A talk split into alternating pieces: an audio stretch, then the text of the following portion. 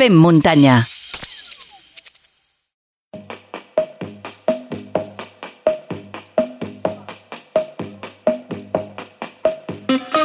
Mai no m'ha interessat guanyar o perdre amb algú en concret i a mesura que m'he fet gran, aquest sentiment tampoc no ha canviat. Independentment del camp de què parlem, guanyar o perdre, guanyar o perdre amb algú no em fa ni fred ni calor. En canvi, sí que em preocupa si compleixo o no els reptes que jo mateix m'he marcat. En aquest sentit, doncs, les curses a llarga distància són un esport que lliga perfectament amb la meva manera de pensar.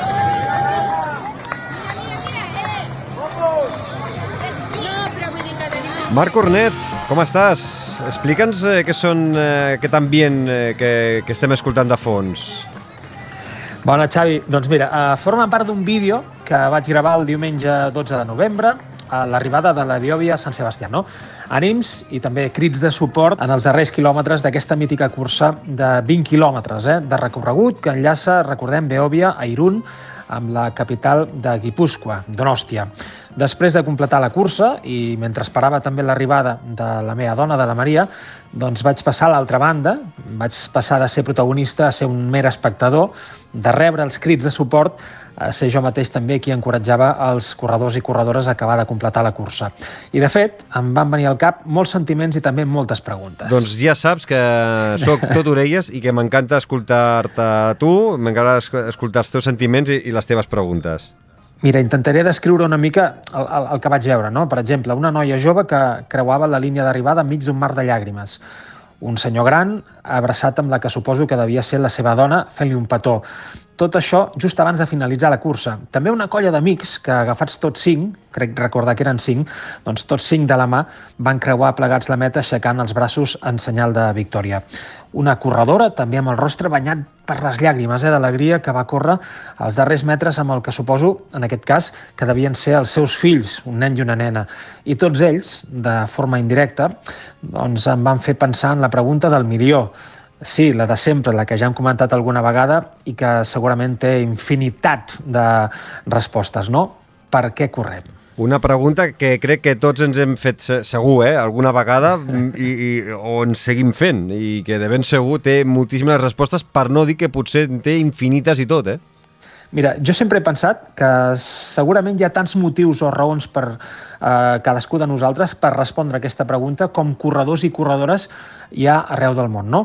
T'explicaré també ràpidament una altra anècdota relacionada amb aquesta cursa, amb la Biòvia Sant Sebastià, perquè dissabte estàvem passejant pel centre de la ciutat, pel centre de Donòstia, i vam entrar en una botiga. No? Eh, la noia que ens va atendre, molt amable, ens va demanar el número de dorsal també en saber que corríem l'endemà a la cursa. No? Eh, ens va dir el seu nom, Katisha, i ens va explicar que ella no l'ha correguda mai, però que anys enrere any, d'alguna forma, baixa animar també a la darrera corba del recorregut, poc abans d'un quilòmetre per al final de, de la cursa, i també ens explicava l'orgull que ella sent en posar el seu gra de sorra, animant, per tal que milers d'atletes puguin acabar amb un somriure als llavis o amb aquestes llàgrimes. No? I mentre explicava això, doncs, es va emocionar, ella també, no? perquè en to confidencial ens va dir que fa un parell d'anys ella va passar un càncer de pit, la catixa, i que ara tot just ha començat a córrer per la muntanya.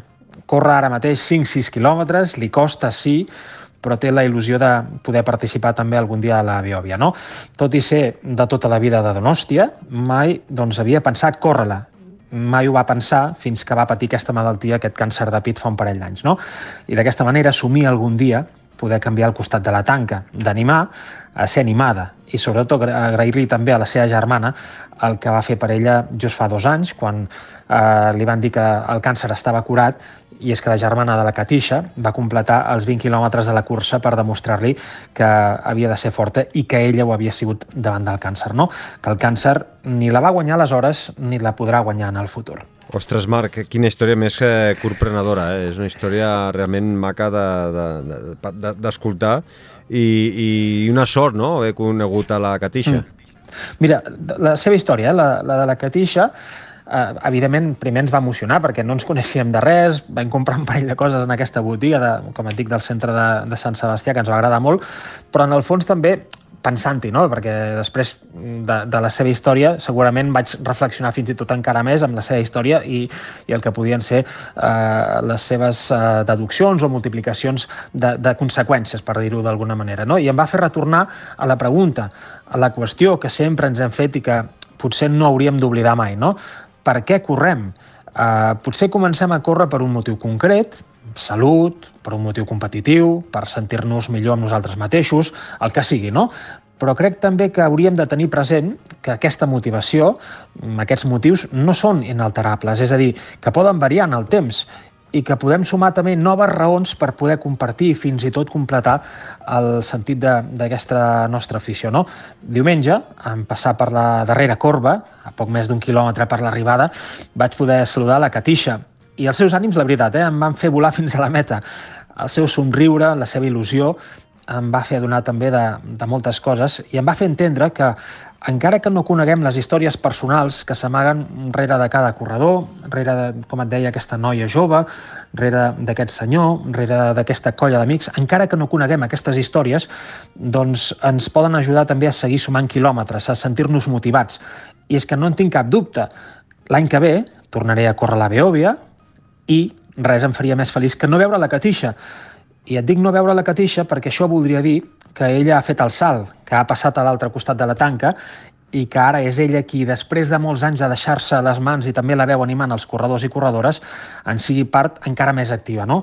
corrent, en definitiva, la cursa del seu cor, completant un repte de vida en la seva pròpia ciutat. De fet, eh, Marc, eh, quan va néixer el Fem Muntanya eh, ho va fer amb la pretensió de poder donar veu als corredors populars, que en definitiva som tots els que formem part d'aquest projecte i si això pot servir per animar a incrementar aquesta comunitat ens haurem donat més que satisfets. I també en aquest sentit eh, em veig totalment representat en aquesta història, la de la Catixa, que ens has eh, volgut acostar avui aquí al Muntanya de Llibres. És que jo penso també, Xavi, eh, que, que la vida, la, la nostra vida, en definitiva, hauria de ser justament això, no? És a dir, poder passar del paper de protagonista a un rol secundari amb total naturalitat i també ser conscients de, de la importància que una simple paraula o una simple alenada d'aire i d'ajuda pot ser eh, o ens pot ajudar als que tenim al nostre costat. No? Ja sigui en una cursa o també en qualsevol problema que tinguem a, a la nostra vida, en el nostre dia a dia. No? Tot plegat, jo crec que és posar de manifest i es pot posar també de manifest en un sentit extrem, per exemple, quan correm, no? perquè ho sabem tots nosaltres, eh, quan acabem una cursa, eh, jo crec que el que hauríem de fer no és marxar ràpid a casa i, i, i, i tornar a estar amb la nostra gent, sinó crec que estaria bé també comentar la jugada amb els nostres companys, amb les nostres companyes, però sobretot eh, ser més generosos a l'hora de compartir aquests suports, és a dir, quedar-nos a la línia d'arribada, ajudar els que encara no han eh, conclòs la, la prova per tenir també, jo crec, d'alguna forma una sensació encara més de plenitud, d'haver acabat una cursa, sí, però també d'ajudar els altres a que, a que l'acabin. No? Jo crec que és també un gest de generositat que en algunes curses sí que es dona, però no sé, recordo, per exemple, fa uns anys a l'Ultra Pirineu, crec que el, el Miguel Eres l'endemà mateix anant a rebre els darrers corredors sí. que potser feia més de 24 hores que corrien. Això em sembla d'una generositat tal que demostra que persones així són les que realment van a la, pena, a la pena a la vida, no? trobar-te amb aquest tipus de persones. Estic totalment d'acord i ara em ve al cap eh, una anècdota també personal. Eh, algunes vegades sí que em quedo les curses, d'altres tinc més pressa i a vegades doncs, he de marxar per, per compromisos familiars, eh, la majoria de vegades, però sí que alguna vegada doncs, em quedo una estoneta, eh, un cop jo acabo la, la, una cursa de muntanya i em quedo animar. I recordo l'any passat, el 2022, vaig anar al Trail del Bisaure eh, i tenia un, un amic meu, l'Àlex eh, Martínez, que ell feia la curta, si no recordo malament, o potser feia la, la mitja, la mateixa que jo i quan jo vaig arribar el que vaig fer va ser eh, fer un, desfer un parell de quilòmetres enrere fins que el trobés ahir. Pel mig, evidentment, em vaig trobar desenes i desenes de corredors que els hi quedava aquesta distància que, que anaven fent. A, a tots ells doncs, animant-los eh, eh, va ser una de les experiències eh, molt xules. A una persona mm. doncs, el, el, te, li van agafar rampes a les cames em sembla que era una noia.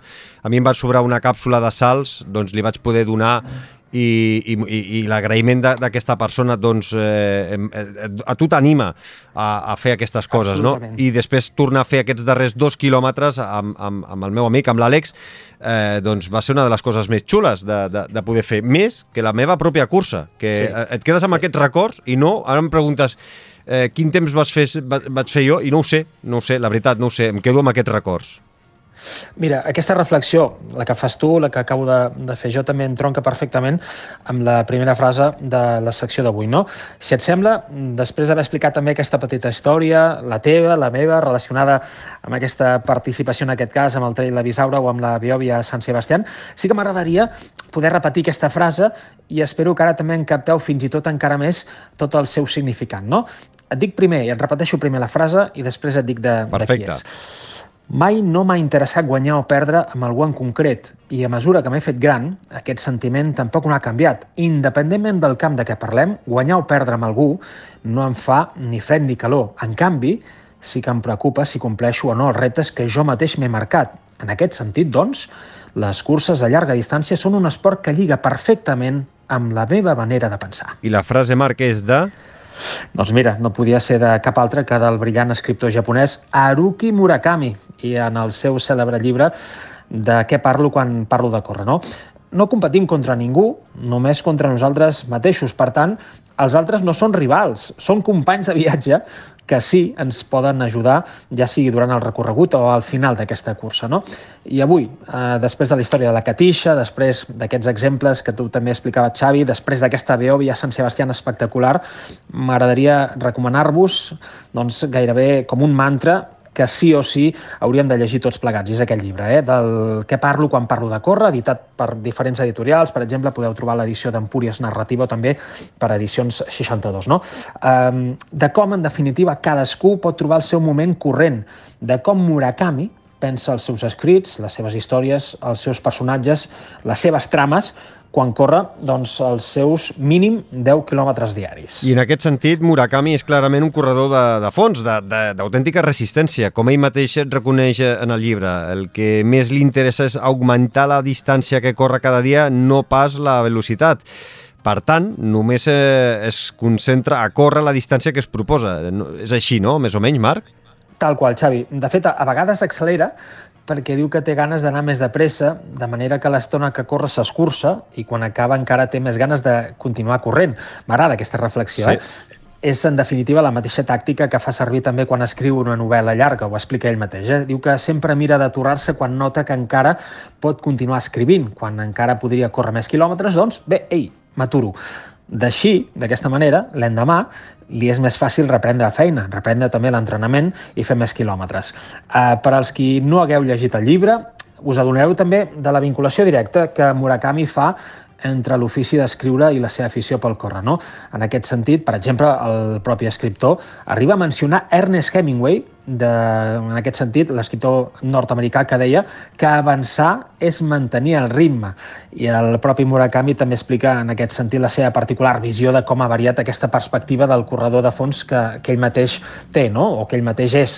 Diu així, obro cometes, el fet de córrer cada dia i prendre part en tantes curses m'ha permès anar pujant el llistó a poc a poc i cada cop també que l'he superat he notat com jo mateix pujava de nivell. Per això m'he esforçat cada dia per anar pujant de nivell.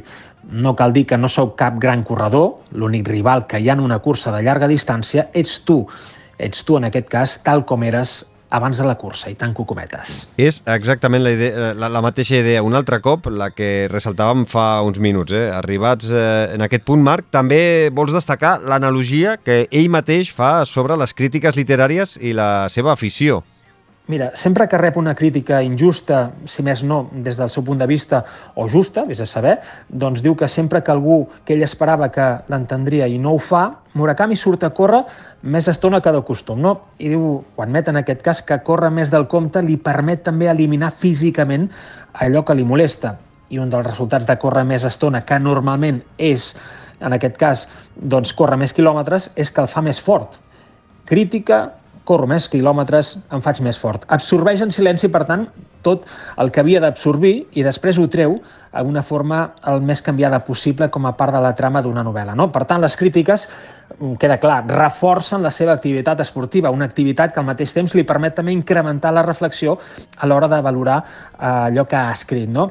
Em sembla, en definitiva, una actitud vital brillant, eh? una gran forma de girar la truita i d'afrontar les crítiques, els mals moments, que moltes vegades ens fan petits i deixem que ens facin un mal excessiu. No? La crítica, en el seu cas, en el cas de Murakami, doncs, mm, l'ajuda a créixer com a escriptor, sí, però també l'ajuda a créixer i molt com a corredor. Per cert, Marc, eh, de què parlo quan parlo de córrer? De Murakami també defensa amb fervor la idea del nostre amic eh, Miquel Pucurull. Eh? Córrer ens ajuda a allunyar la parca, o si més no, a pensar que corrent sempre li anirem endavant. A, a vegades reconeix el cèlebre escriptor japonès que hi ha gent que riu dels que correm pensant-se que, que ho fem perquè volem viure més anys, no? I ell diu, doncs sí, jo no crec que la majoria dels que correm ho fem per això, o potser sí, eh? És un dels seus motius per sortir a córrer, en definitiva, però també n'hi ha més, i aprofundeix en les seves paraules afirmant que més aviat diria que si correm és perquè volem viure la vida al màxim, encara que siguin pocs anys. És preferible, diu Murakami, viure els anys que toquen amb vitalitat i amb uns objectius ben clars que no pas viure'ls deixant-los passar sense suc ni bruc. I diria també que córrer hi ajuda molt, no? I tanca aquesta frase, diu, córrer és bàsicament esforçar-se al màxim dins els límits que tens assignats i això és una metàfora de viure i, evidentment, en el cas de Murakami, també de l'escriure. Moltes gràcies, Marc, per haver-nos acostat avui en aquest eh, programa tan especial, el número 100 del Fem Muntanya, un dels llibres imprescindibles, ho dic en majúscules, eh, de tot corredor i corredora doncs, hauria de llegir algun cop a la vida. Un llibre que va més enllà del simple fet de córrer i que ens ajuda a reflexionar, a qüestionar-nos aspectes vitals relacionats amb aquesta activitat que ens treu l'alè per donar-nos una alenada de vida. Xavi, sempre moltes gràcies a tu per l'espai, per la confiança i també m'agradaria acabar amb una frase de Murakami que en definitiva vull dedicar als centenars de catixes que, que hi ha arreu del món i espero que moltes d'elles ens escoltin. No? Agafeu paper i bolígraf perquè diu així El temps té un paper assignat. Des que va començar, el temps no ha parat d'avançar i un dels privilegis que tenim en aquest cas, els que hem evitat morir joves, és el de fer-nos grans. Ens espera l'honor del declivi físic. L'únic que podem fer és acceptar-lo i aprendre a conviure-hi. El que compta no és competir amb el temps. A partir d'ara, per a mi el més important serà veure si puc completar la marató amb la sensació d'haver aconseguit alguna cosa, d'haver-m'ho passat bé tanco cometes, i que consti que completar els 20 quilòmetres de la Beòvia a Sant Sebastián per la Catixa segur que seria com córrer la seva pròpia marató. Marc, una forma brillant de tancar aquesta secció. Cuida't molt, una forta abraçada i ens escoltem d'aquí ben poc. Eh, ens esperem i ens veiem el 17 de desembre a Sabadell. Cuida't! Segur que sí. Espero que us hagi agradat i que sobretot us seguiu preguntant avui, demà i sempre, eh? Per què correm? Per què correu? Per què correrem i per què seguim corrent? Salut, muntanya i sobretot molta lectura.